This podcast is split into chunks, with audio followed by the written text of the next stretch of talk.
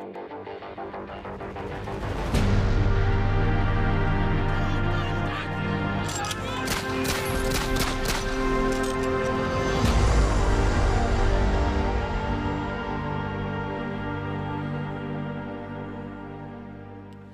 tulemast äh, Eesti Päevalehe Maffia podcasti. sealpool lauda on kuulus kriminaaluurija Andres Anvelt ja siinpool lauda on kirjanik Paavo Kangur. Tervist! tervist! ma alustaks kohe nagu küsimustega, ei loekski siin midagi pikalt ette. sa alustasid tööd kriminaaluurijana aastal tuhat üheksasada kaheksakümmend üheksa, milline pilt siis avanes?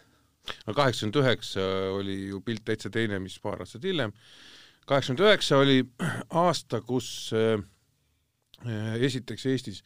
hakkas tõusma äh, metsikult tapmiste arv,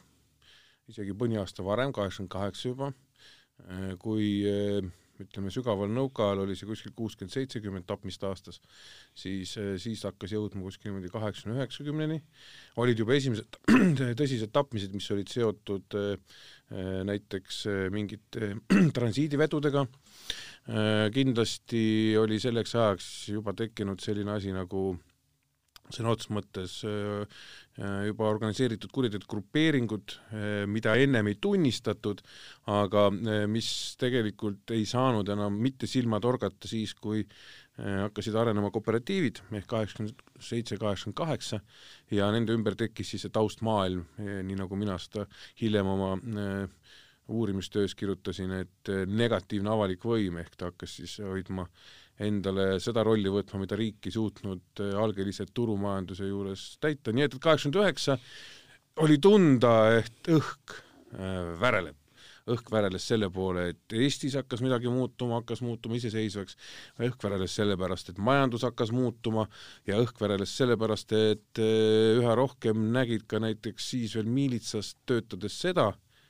et öö, eh, osa miilitsatöötajaid hakkas üle minema erastruktuuridesse.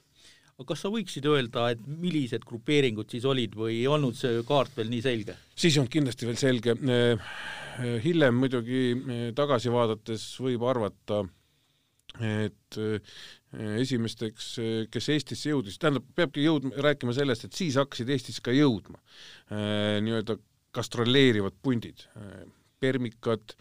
olid ühed esimesed, kes kohale jõudsid, siis kindlasti äh, võib nimetada nii-öelda Krasnodari grupeeringut ja äh, tuleb arvestada seda, et ega need grupeeringud alguses olid väga monoliitsed ehk sealt pärit inimestest nad koosnesid, kust nad tulid. hiljem nad siin kohapeal juba toimetades hakkasid segunema ja selleks ajaks kindlasti oli algeliselt tekkinud juba ka Tallinna Ühiskassa, sest Vene kuritegeliku maailma traditsioonidest olid teada seda, et, et kui sa lähed mingisugusele uuele territooriumile võimlema, siis sul peab olema äh, keskel niisugune reguleeriv organ, kes siis aitab ära hoida konflikte nii palju kui võimalik kas sa mäletad, kes olid kohal Neste tulistamisel, kas sa usud seda versiooni, mis liikus? no nüüd me hüppasime muidugi kohe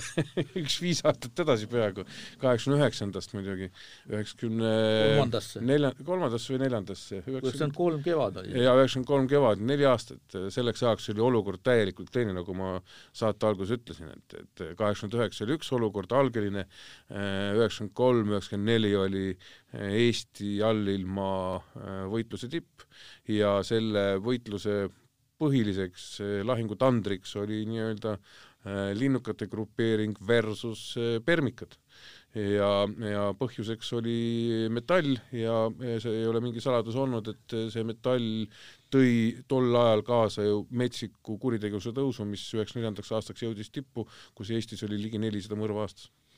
no väidetavalt oli ka see Neste tulistamine põhjustatud ühest koobaltikoormast või koobaltirahadest ja nende liikumisest. ja no see versioon on, et ühest kauba, autost hüppas välja grupp inimesi, kes avas tule nagu sealsamas bensiinijaamas vestelnud kolme ärimehe pihta jaa, ei see ei olnud mingi saladus tol ajal, seda kõik teadsid, et see oli eh, linnukate nii-öelda atvjetka selles keeles ehk siis kättemaks äh, ütleme siis ühe konflikti eest ja äh, Neste bensiinijaamas mis on tänasel päeval siis selle Delta Plaza asemel täitsa teises olukorras kui praegu see Neste jaam on, seal siis pandi ilma hoiatamata tuli peale, öeldi mõned sellised karmimad sõnad ja, ja lasti ikka Kalašnikovist nii, et tärises aga see teema, millest jutustab see film, sinu film ja raamat Punane elavhõbe, see on nüüd natuke paar aastat varem või jääb ka sinna kuskile? no Punane elavhõbe on äh, esiteks, seal on taga tõelised lood. Äh, äh, aga ta ei räägi niivõrd võib-olla Eesti organiseeritud kuritegevusest, kes on seda näinud või lugenud, ta räägib Eesti meeste õnneotsingutest ja neid tookord oli väga palju, kes siis sattusid aja hammasrataste vahel, kas siin või Venemaal. Äh, sellised grupeeringud nagu näiteks linnukad olid juba palju või permikad, nad olid ka palju juba organiseerinumad, nendel oli väga kindel juhtimine, sisemine siis ütleme hierarhia, punase elavõõda poisid, ütleme niimoodi, on need, kes, keda oli väga palju. Ja need on kirjutatud tõesti sündinud inimeste pealt, kes läksid lihtsalt õnne otsima ja selle käigus libastusid erinevate kuritegude otsa ja ütleme, oma õnne ei leidnud, vaid leidsid nagu kurva otsa, jah? Neid oli väga palju, neid Eesti inimesi, kes läksid Venemaale, kellel isegi ei olnud väga paljudel kriminaalset tausta, see oli kindlasti muideks üheks eelduseks, et tihtipeale oli kutsujateks või siis nii-öeldakse diili teiseks pooleks olid inimesed, kellega oli koos vanglas istutud, nii nagu ka Punase elavöödes ja siis selle järgi prooviti saada hästi kiiresti rikkaks, sest kõik teadsid et Venemaalt liigub metsikult metalli, miks sõjatööstus on kokku kukkunud, tehased müüakse maha, nagu öeldakse, kopika eest, kõik läksid sinna järele ja seal tehti ka väga palju pettusi, õnnelik oli see, kes sai lihtsalt petta, õnnetu oli see, kes sai te tegelikult kuuli. Aga me räägime nüüd kahest kihist, üks kiht olid kuulsad suurärimehed, keda oli umbes kuusteist nimetust erinevaid firmasid, alates Robert Lepiksonist ja siis olid need, keda me nimetame pättideks. seal filmis on niisugune äärmiselt jõhker vägistamisepisood, ütleme, see ka see me-, metalliärikate ring nagu jagunes kaheks, ühed olid puhtad valgekraelised ja teised olid klassikalised pätid. ma kindlasti arvan seda, et jään selle juurde, et nimesid nimetamata sest paljud need inimesed on tänapäeval toimetavad eri tasemel, väga palju kapitali loodi tol ajal tänase Eesti majanduse tarbeks, ma isegi arvan, et siin on väga palju positiivset, sellepärast et kui seda kapitali ei oleks kasutatud selleks või millekski muuks, siis võib-olla oleks olukord ka natuke teine Eestis täna, see on kõigis maailma riikides niimoodi olnud iga paha asi on millegi hea alguseks, kas või Ameerika seesama kuivseadus, aga äh, seda, et nüüd saadi täitsa toimetada, et mina olen nüüd see valgekraeline, mina nüüd teen ilusa lepingu ja sõidan sinna Moskvasse või Venemaale või Ufasse või kuhu iganes, Baškiiriasse äh,, sõidan metalli järgi ja mul ei ole mitte ühtegi katust, no äh, vabandust, andke võimalus naerda sest selline asi on välistatud. Venemaale minemine, konvoide toomine, sa pidid iga kilomeetris sellel teekonnal ära kindlustama, sest nii, kui oli teada, et tuleb ešelon näiteks või veoautod või rong, kus ei ole äh, kindlat katust, kellega rääkida, see tõmmati kohe kõrvale. ja, ja kui sa läksid ise sinna nina toppima, sul ei ole mingit autoriteeti, sa võid öelda küll, et sa oled lugupeetud ärimees kuskil Eestis, äh, siis see ei aidanud sind sellest, et sind äh, kuhugi lumehange lükati. No üks koht, kus see vahelt tõmbamine toimus, oli ütleme Narva ja Kohtla-Järve vahel no seal on ainult üks koht, me ei maksa unustada seda, et ega need ešelonid liikusid Venemaalt palju kaugemalt. Nad tulid ikka sealt tagant kaugelt Venemaalt, sealt Uuralite juures, seal kus siiamaani on äh, suured äh, Vene sõjatööstused äh,, ka lihtsalt ütleme, metallitööstused ja, ja sealt, kust nad tulid, siis neid riskisid oli tee peal väga palju. Ma arvan seda, mis me räägime Narva ja Kohtla-Järve vahel, sellepärast et Narva, Kohtla-Järve ka hilisematel üheksakümnendatel erines muus Eestist väga palju. Siis olid sellised tegelased seal nagu näiteks vennad Satšukid ja, ja kes erinesid, erinesid näiteks isegi Tallinna venekeelsest organiseeritud kuritegevusest tunduvalt, sellepärast nemad olid väga tung-, tugevalt seotud tsoonidega, Venemaa tsoonidega, Eestimaa tsoonidega, nemad toitsid tsoone, mis see tähendab? see tähendab seda, et äh, vanglates ehk tol ajal tsoonides, kuulajal tuleb selgeks teha, tänapäeval on vanglad, toad, samased ilusad, valged, nagu me istume, see oli tsoon, barakk, kus on koos mitukümmend, viiskümmend, kuuskümmend, sada inimest. Ja seal loodi uut kuritegevust. ja, ja äh, seda hoiti üleval näiteks seesama Ida-Virumaa äh, bandiitlik maailm hoidis väga tugevalt üleval siis neid vanglaid ja, ja see andis neile võimaluse ka omada väga häid suhteid Venemaal. Ja mina isiklikult arvan seda, et, et kui need ešelonid tulid Venemaalt, siis just see Narva ja Kohtla-Järve vaheline piirkond oli see, kes sai väga head infot Venemaalt tulevatest äh, kaubasaadetistest. No hiljuti taas vahistati Robert Pohlak, kas tead teda nagu niimoodi, oled üle kuulanud? Ma ainult ei mäleta, keda ma olen üle kuulanud, nägupidi ma olen temaga kindlasti seal Pagari tänaval kokku puutunud, aga ütlen ausalt, elus on nii palju inimesi olnud vastaslauas, et eh, kui see kõik peas oleks, siis ma peaksin kuulutama ennast tehisintellektiks. palju neist elus on? ei pea arvet, kindlasti väga suur osa nendest on läinud manalateed ja, ja igapäeval, iga päev on ka minemas. ja, ja vanglates on nendest väga vähe järele jäänud Äh, ma arvan seda, et, et äh, need, kes isegi on, need ei ole tänapäeva kuritegelikus maailmas erilised tegijad. kas sa kirjeldaksid mõnda vär-, tolleaegset värvikat tüüpi või sa ei taha reklaami teha? ma ausalt öeldes ei taha reklaami teha, äh, no noh, mäletan, kunagi oli selline inimene nagu Andre Piispe, eks ju, kes oli, ka loeti äh, siis nii-öelda linnukate üheks suurimaks autoriteediks ja, ja kellega seostati väga palju sündmusi, äh, ka väga vägi, vägivaldseid sündmusi, noh siis, äh, siis äh, ja kes hiljem sai siis hukka Wimbledoni baaris lasti ta maha siiamaani lasti siin Vabaduse väljaku, tänase Vabaduse väljaku kõrval maha, tennise, tennise-baaris, nagu öeldi, see Wimbledoni baariks nimetati vist tookord. siiamaani kindlaks tegemata isiku poolt, nagu öeldakse, ja, ja noh, näiteks tol ajal, kui me kõik olime siin ütleme niimoodi, et bensiini isegi politseiautole eh, pidi ootama järgmist kuud, et saada paaki täis, siis kui eh, Andre Piispel käidi, kui ma ei eksi, kas ta käis siis, aitas oma vanematele kellelgi kartulit võtta või mingit muud põlludest teha, siis dresside tagataskus oli näiteks kuus tuhat dollarit lihtsalt, igaks juhuks põllu peal, no kuidas sa lähed kartulit võtma ilma kuue tuhandet? nii et, et no see on lihtsalt, ma ütlen, värvikas, mis, mis iseloomustas tolle aja inimesi, kes selles maailmas tegutsesid, et need arusaamised summadest ja rahadest ütleme, ühel pool ja teisel pool olid täitsa erinevad tõenäoliselt oli siis kogu kapital nagu kaasas. ma ei usu, et kogu kapital, ma arvan, et seda kapitali oli palju rohkem, aga no fakt on see, et, et äh, siis just metalli ajal äh, sai endale väga kindlalt äh, Äh, ütleme sellise suuna ja tähtsuse siis Tallinna Ühiskassa, äh, mida siis äh, juhtis tol ajal nüüd tänaseks kadunud, eks ju, Kolja Tarankov, ja mikspärast, sellepärast et mida suuremad rahad liikusid, seda rohkem tülisid oli, aga samas nende tülide lahendamine oli väga-väga tulus teema. ehk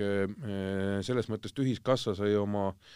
jalad alla ja ma mäletan seda, kui me ükskord üheksakümmend seitse või üheksakümmend kaheksa, ma ei mäleta, hiljem juba, peale seda Eh,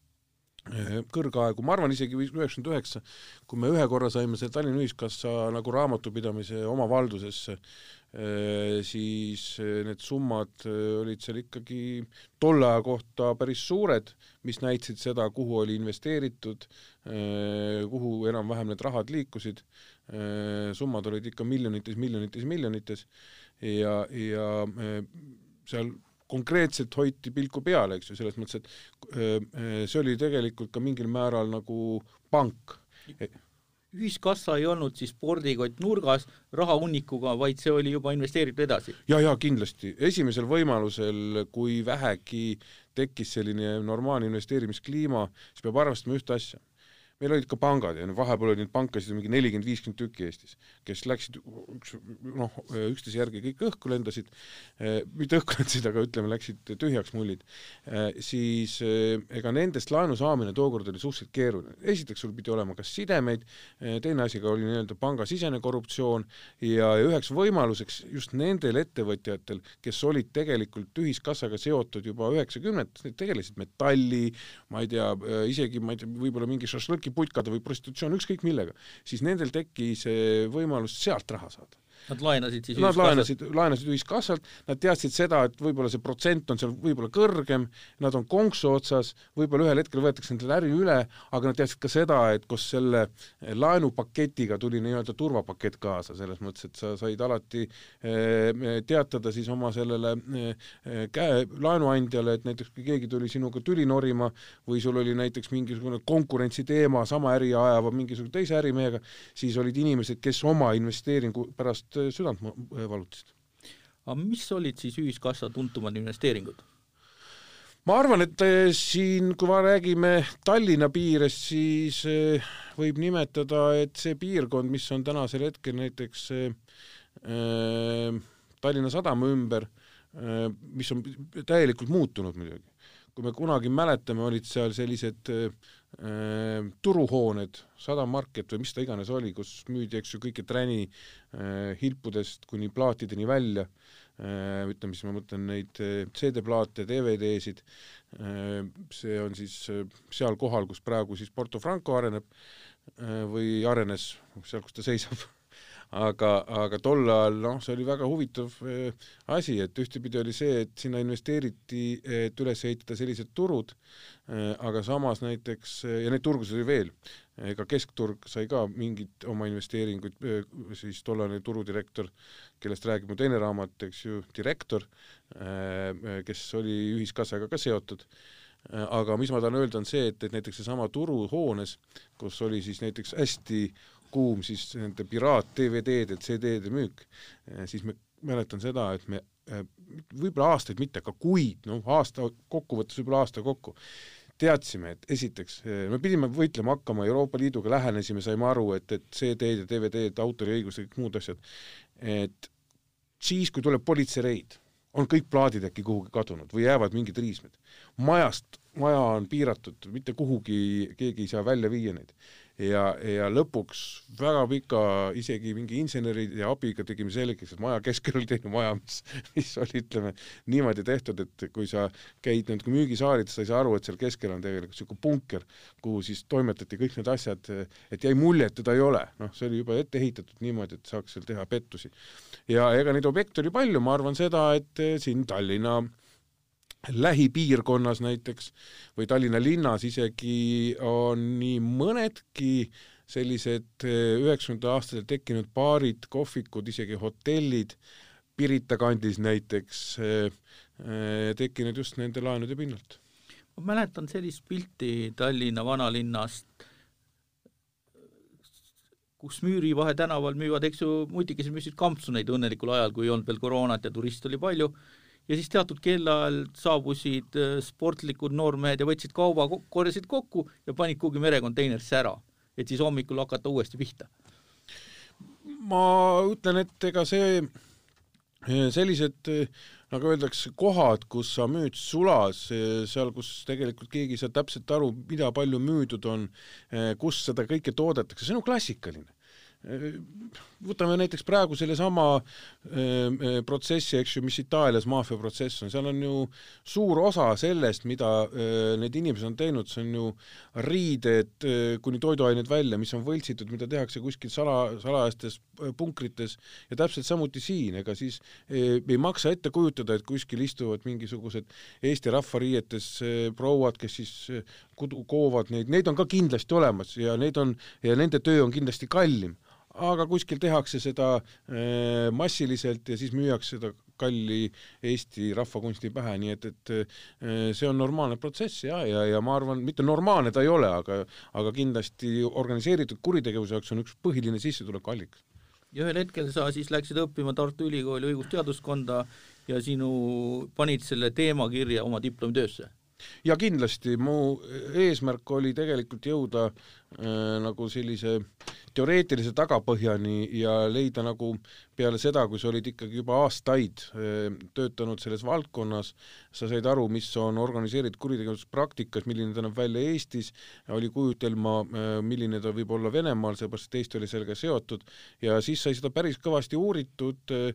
loetud väga palju raamatuid, kohtutud isegi oma esimeste välissõitude jooksul nii Interpoli suunas näiteks mitmete selle aja tugevate praktikutega äh, ning sealt sündis siis äh, diplomitöö organiseeritud kuritegevus kui negatiivne avalik võim. miks negatiivne avalik võim? sest organiseeritud kuritegevus on seda tugevam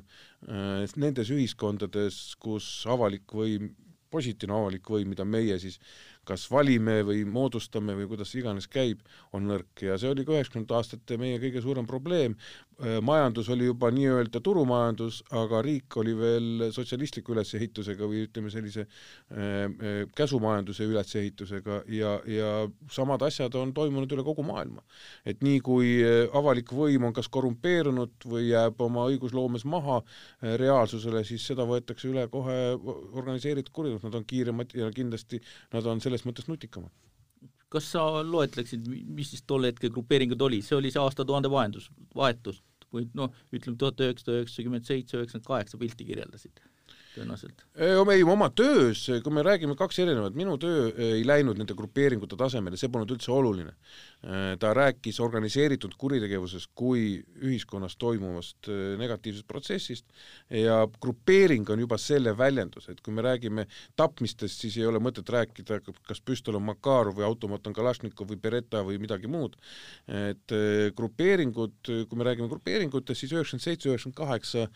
ma arvan, et ega eriti midagi ei olnud muutunud võrreldes selle üheksakümnendate algusega, kui ehk ainult oli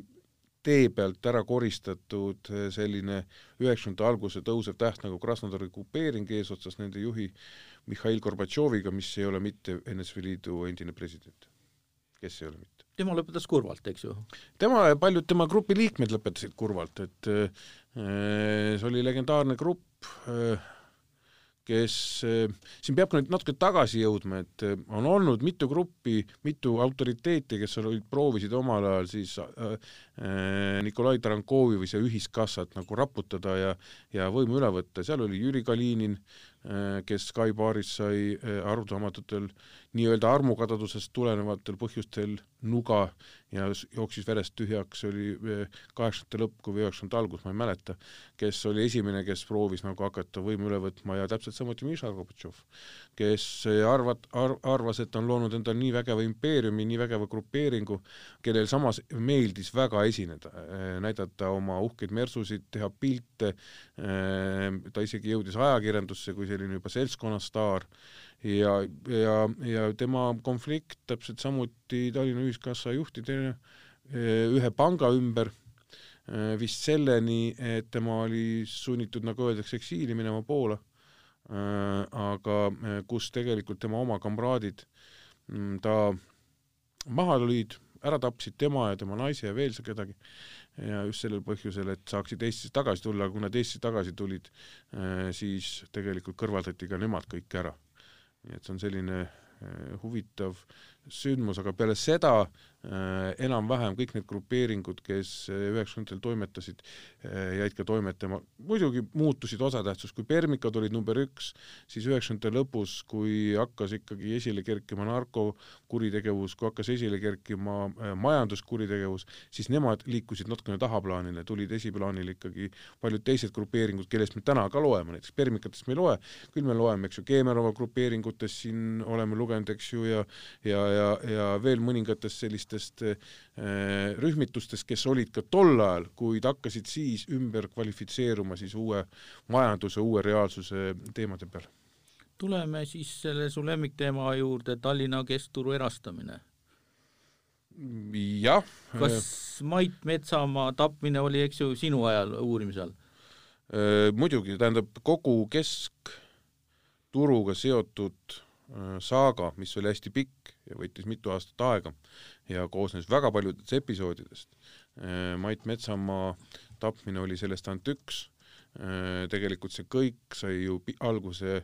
kus keskturu peale läks meil Keskkriminaalpolitseil siis kõige suurem tähelepanu siis, kui toimus pommiplahvatus ja täitsa süütu, kui ma ei eksi, siis ühe lihaleti müüja sai surma ja, ja sellest hakkas pihta nagu see süvenemine keskturusse. Ja millele järgnes siis vanema Põõkuvi ehk vendade Põõkuvite ühte Põõkuvit me oleme nüüd lugenud, istub, eks ju, Ameerikas vanglas suure fentanüüli pettuse eest, kes oli üks maailmas, mitte maailmas, aga Euroopa tasemel karate, karatekas, eh, tema isa Jevgeni Põõkov, kes oli siis nii-öelda seotud nii ühiskassa kui ka siis selle kaudu ka Tallinna keskturuga, siis lasti maha autoparklas. Eesti maffia raamatus on jah, need päevad ja kellaajad suhteliselt täpselt kirjas nii täpselt, kui sealt äh, täpselt niimoodi, aga no., aga noh, kokkuvõttes on see, et, et see keskturu äh, saaga võttis aega enam-vähem tegelikult kaks ja pool aastat äh,, sest äh, seal juurde tulid ju veel ka erinevad episoodid, mis puudutasid, eks ju äh,, selle Venemaalt toodud killeri Maratsa Tõõkovi toomine äh,, mul äh, ikka läks tookord ikkagi päevi-päevi, sest ma võtsin selle Sadõkovi nagu oma äh, hoole alla äh, temaga istuda ülekuulamist, oli selline õnnetu palgamõrvar, kes äh, enamus tema tegusid, mis ta, talt telliti või mis talt oodati, äh, ebaõnnestusid, küll see oli siis, eks ju, siis Politšuki tulistamine, kus ta ise sai raskemalt vaata et haavata kui Politšuk, küll see oli siis lao tapmiskatse, Meelis lao tapmiskatse seal Keimia tänava otsas, küll oli siis äh, Šivalovi eh, tulistamine või katse tulistada teda sellest eh, Muha raketist eh, tema selle hotelli juures Mähel. Ja kokkuvõttes, eks ju, tema siis see vahelejäämine ja, ja, ja ja pikk vanglakaristus. see on nüüd väga filmilik lugu, eks ju, kuskil Venemaa avarustes ööklubis baaris kohtusid siis Marat Sadõkov ja noor Põõkov hakkasid juttu ajama, said sõpradeks siis ühel päeval juba nagu toimetati Maratsa Tõkov üle Narva jõe hommikuse uduga ja siis nagu hakati siin temast nagu ette valmistama tapama no, esiteks see päris niimoodi ei olnud, et seal oli ka natuke tausta, et ta ole, olevat, vähemalt ta ise väitis seda, oli teeninud ka Venemaal, siis käis veel see, ma ei tea, kas oli see teine Tšetšeenia sõda, et ta on nagu surmaga kokku puutunud ja, ja teda soovitati, see ei olnud päris paaris tutvumine, teda soovitati äh, äh, Põõkovile äh,, sest Põõkovil olid oma sidemed just seal Peterburis, talle soovitati seda ja peale selle Sadõkovil, kui ma nüüd õieti mäletan, olid ka mingisugused taagad, et ta äh, äh, ei olnud ka Venemaal äh, päris, nagu öeldakse, seadusekuulekas, ta oli nagu ta lintprii äh, ja, ja ta oli selles mõttes kasulik, et lintprii inimene on valmis tegema oma tegusid palju odavamalt, tal ei ole kuhugi minna, nii et see oligi kindlasti see, mis andis siis võimaluse teda odavalt ära kasutada. kas ta oli professionaalne palgamõrvar, nagu me näeme filmides, või oli ta niisugune madalama astme kurjategija? professionaalne palgamõrv kindlasti, sest kui me just nimetasime neid tegusid, mis olid kõik nii ebaõnnestunud, siis eh, näitab see seda, et ta ei olnud ka hea relvakäsitseja. Eh, kindlasti ta oli rääkinud ennast suuremaks, kui ta on, aga no see on arusaadav, kuritegelikus maailmas tuleb oma hinda tõsta just eh, viidates vägivallale ja oma seotusele sellega, nii et ma arvan, et oli, ma isegi ei nimeta teda paadunud kurjategijaks, sest ma olen temaga veetnud tunde, tunde, kui mitte päevi, pikkades vestlustes, ta oli inimene, kellel oli Venemaal ütleme niimoodi, olnud nii puruks läinud armastus, segi läinud suhted, äh, seadusega pahuksis, kui mitte nüüd äh, tapvalt pahuksis, nagu öeldakse, ja kõik see kokkuvõttes lihtsalt oli selle noore inimese sundinud minema sellist teed, mida talle pakuti ja pakuti talle teed, et tule palgamõrvariks. mismoodi ta välja nägi? ma seda täpselt mäletan, juba nimet-, nime järgi võib öelda, et oli selline tumedam Äh, selles mõttes ta oli pärit sealt kuskilt äh, kaugemalt, kas kuskilt sealt äh, Baškiiria või Tatarstanist, sealtkandist, nii et ta oli sellist kergelt, kergelt mongoliidne, kuigi noh, slaavlane selles mõttes, et ta rääkis puhast vene keelt. kas niisugune kahemeetrine ambaal või niisugune, niisugune alla meeter kaheksakümne niisugune kergema kaalu poksija? no ma arvan seda esiteks, et, et filmides, isegi paremates filmides ei kujutata palgamõrvarit kahemeetrist ambla-, ambaalidena, see ei tohi silma paista. ei, tänaval vastu tulles tunduks ta täieliku hariliku noormehega, noormehena, kes on kuskil võib-olla äh, lihttööline, midagi sellist. et äh, va täielikult varju jääv nagu inimene? täielikult varju jääv inimene, jah. välja tal ei tulnud see asi?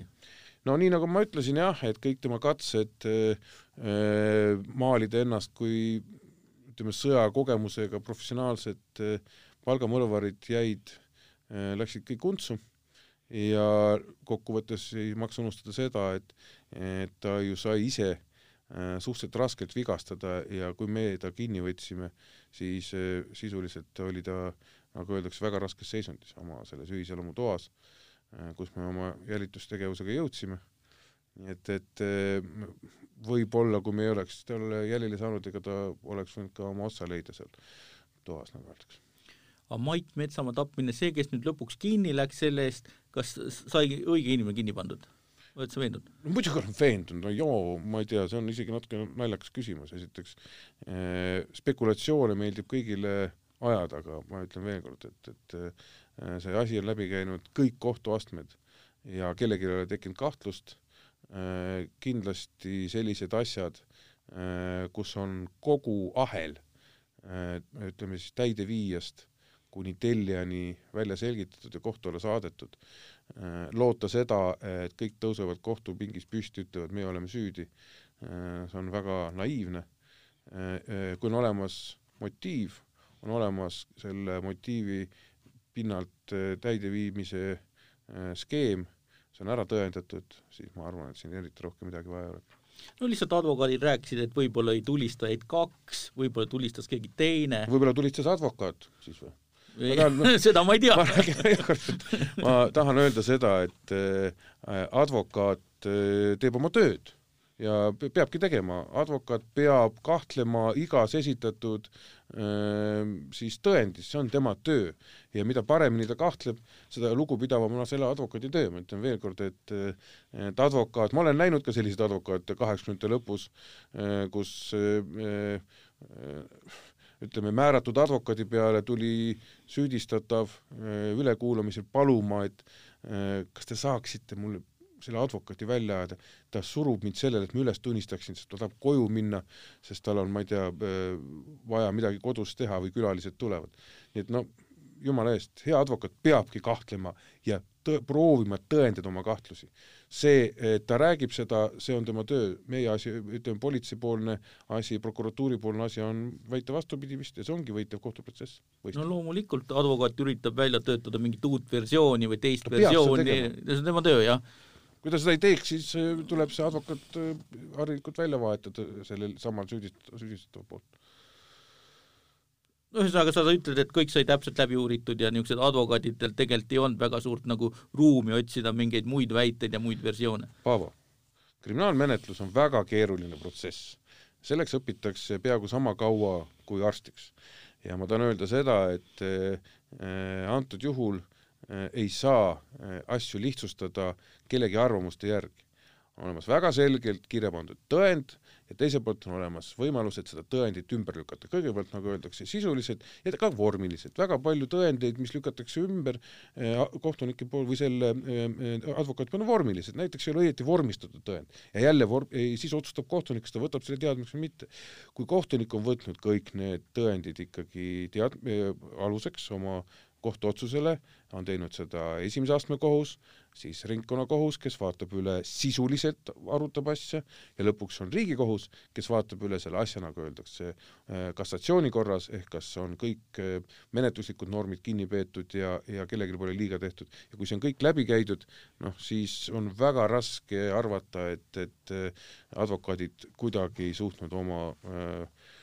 tõendeid esitada, arvestades veel seal oli kohtu all terve rida inimesi, et advokaate oli sama palju kui neid inimesi. ei noh, ma võhikuna lihtsalt küsin seda, et kas see õigussüsteem Eestis töötab kvaliteetselt?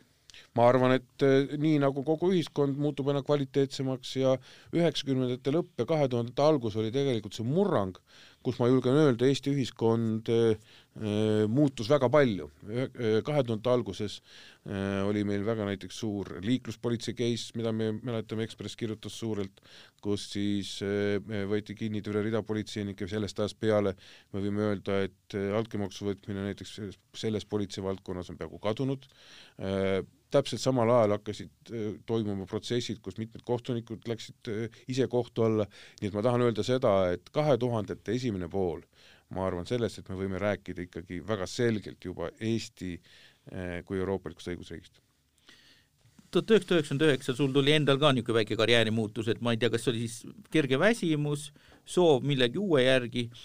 aga sa läksid õppima FBI akadeemiasse Ameerikasse? no ma arvan, et see ei olnud mitte soov uue järgi, see oli võimaluse elluviimine, sellepärast et saada FBI akadeemiasse õppima, eh, ma arvan niimoodi, et see on eh, mitte lihtsalt eh, elusündmus, aga, aga väljakutse, et, et puhkus see kindlasti ei olnud. kui Ameerika seda pakkus aasta varem ja saatis ette siis sellise suure ma ei tea, tuhandeleheküljelise kausta, kus ma sain iseendale õppeprogrammi kokku panna niisugust asja pole, ma olin Tartu Ülikoolis samal ajal õppisin ja, ja, ja, ja ma panin endale kokku siis sellise äh, vägeva õppeprogrammi ja, ja äh, sain selle siis seal Ameerikas ka omandatud ja ma arvan, et see oli üks parimaid koole, kus ma õppinud olen. millised su päevad välja nägid seal? see oli väga karm päev, hommikul kell kuus üles äh,, siis sport, trenn, siis äh, hommikusöök, siis pikalt äh, loengud, seminarid kindlasti iga päev oli kehalist kasvatust korralikult, kuigi seal FBI akadeemias, mis on mõeldud politseinike täiendõppet, õppeks, seal kõrval õppisid ka igapäevast FBI akade-, aga ütleme nüüd tudengid, kes said agentideks, siis meil äh, äh, otsest sellist taktikalist kehalist kasvatust või ütleme, väljaõpet oli vähe. Äh,, natukene sai kuskilt köilt, köitelt ronida ja, ja laskeharjutusi teha,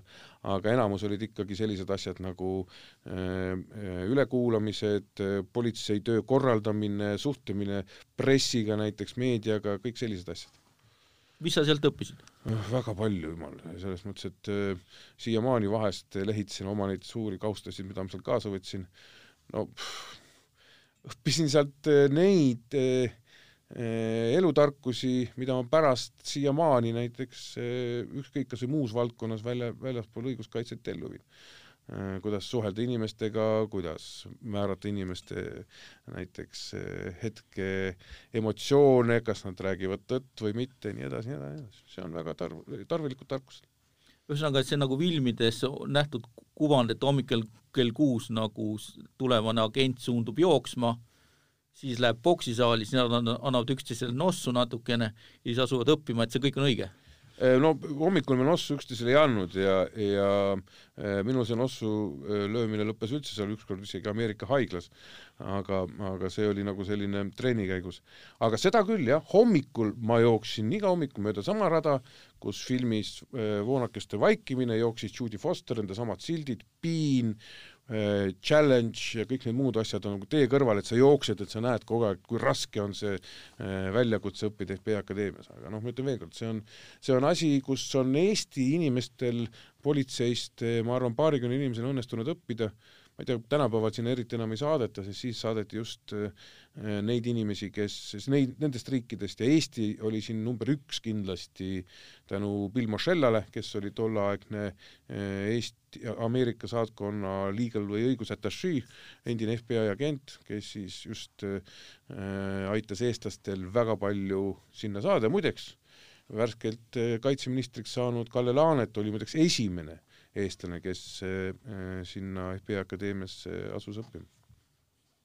mis sul seal poksisaalis juhtus? ai, see oli väga lihtne niisugune naljakas vahejuhtum, kus äh, tegelikult äh, harjutasime nagu äh,, harjutasime kõik sellist äh, koti peksmist ja, ja, ja seda nii käte kui jalgadega ja ühel hetkel lihtsalt tõmbasin selja niimoodi ära, et olin peaaegu liikumatult põrandal, aga no see on selline väikene vahejuhtum, mis peab ikka juhtuma, kui trenni teed, kui trenni teed ilma valuta ja ilma kukkumiseta, siis tähendab, pole trenni teinud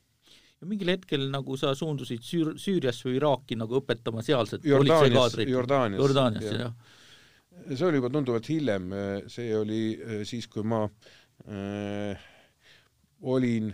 siis äh, üksteise mittemõistmise tõttu sun-, tollase peadirektori Robert Tropoviga, ta viis mind üle siis äh, alguses Politseiametisse, pärast siis Politseikolledži direktoriks. Ja, ja siis, et oma elu natukene värvilisemaks teha ja huvitavamaks, siis ma leidsin ka sellise projekti, kus ma kandideerisin. Ja ma olin Jordaanias tol ajal maailma kõige suuremas politsei väljaõppekeskuses äh, Jordaania kõrbes, kaheksakümmend kilomeetrit Ammanist Iraani, Iraagi poole äh,, siis Eesti kontingendi ülem, aga Eesti kontingendis oli ainult üks inimene, see oli mina. Aga bardakk selles maailmas on järjest suuremaks läinud, eriti kui vaadata Süüria sündmusi ja Iraaki, et ega seal nagu korda majja ei saadud, eks ju, et või noh, see ei, ausalt öeldes ega seal meil ei olnudki väga suurt optimismi, sest me vaatasime, et see kolm tuhat kadetti, kes korraga õppisid seal väljaõppekeskuses, nad enamuses olid ju tegelikult äh, toodud sinna või Iraagi pealt kokku kogutud nii-öelda vabatahtlikud, kelle perekond sai, ma ei tea, kolm või nelisada dollarit, mis oli Iraagis tol ajal väga suur raha, sai nagu kompensatsiooni ja siis poeg läks õppima sinna äh, Jordaania väljaõppekeskusesse äh, enamus nendest kas koheselt pärast seda lahkus töölt ja ka kahjuks äh, väga paljud said ka hukka. näiteks oli meil ka selliseid juhtumeid seal, kus bussitäis äh, just värskelt lõpetanud äh, Iraagi politseikadette,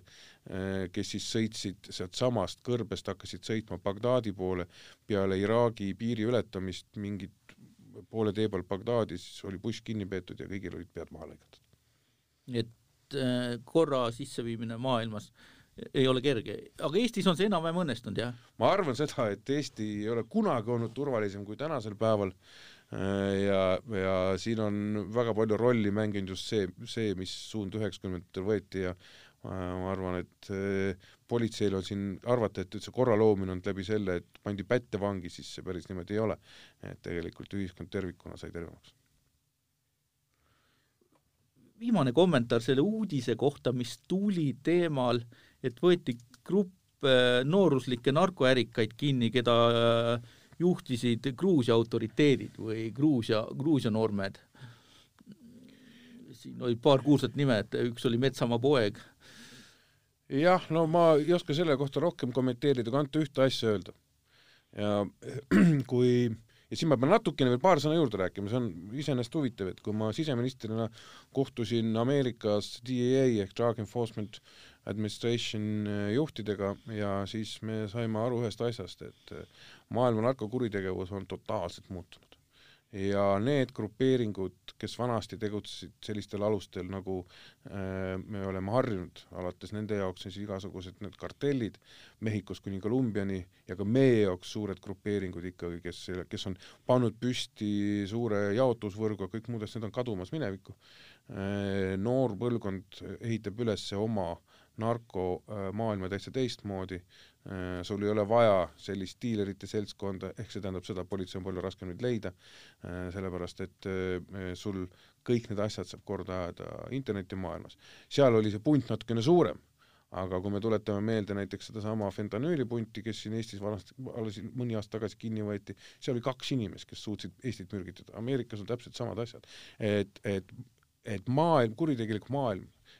narkovallas äh, esiteks muutub täitsa teiste reeglite, kaob ära klassikalise kuritegeliku maailma kontrolli alt ja läheb noorte pärusmaaks, kus kasutatakse välja väga palju infotehnoloogilisi vahendeid, nii et ma arvan, et ka see grupeering on arvatavasti midagi sinnapoole. Ja kas ta oli siis mingi Gruusia autoriteet või mitte, ma ei hakka siin isegi laskuma, see tähendab seda tegelikult, et sellises maailmas, sellises piirideta kübermaailmas näiteks inimeste suhted omavahel võivad olla ükskõik. Äh, läbi Hiina fentanüüli toomine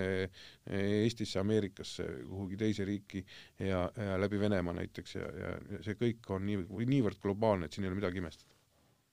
no mis meie sõnum noortele peab olema, et ärge kasutage narkootikume või mis sõnum on ja ärge müüge see oleks väga imelik öelda, et ärge, ärge kasutage, müüa võib, nalja teete, ehk eh, inimesed, noored inimesed peavad aru saama, ma olen käinud koolis, koolides omal ajal väga palju esinemas ja seletanud seda ühte asja. see võib tunduda praegu fun, see võib tunduda väga kiire rikastumine, aga see on samm selle poole, et su elu, mis on sulle ükskord antud, on tegelikult sisuliselt põrgu. ehk äh, see jääb jälg maha. See jääb jälg maha isegi, kui karistusregistrisse mingil hetkel kustub,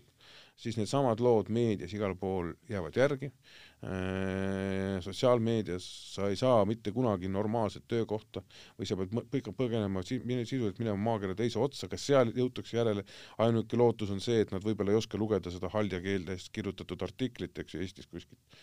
et äh, see võib olla ainukene, ütleme, selline pääsetee, aga iseenesest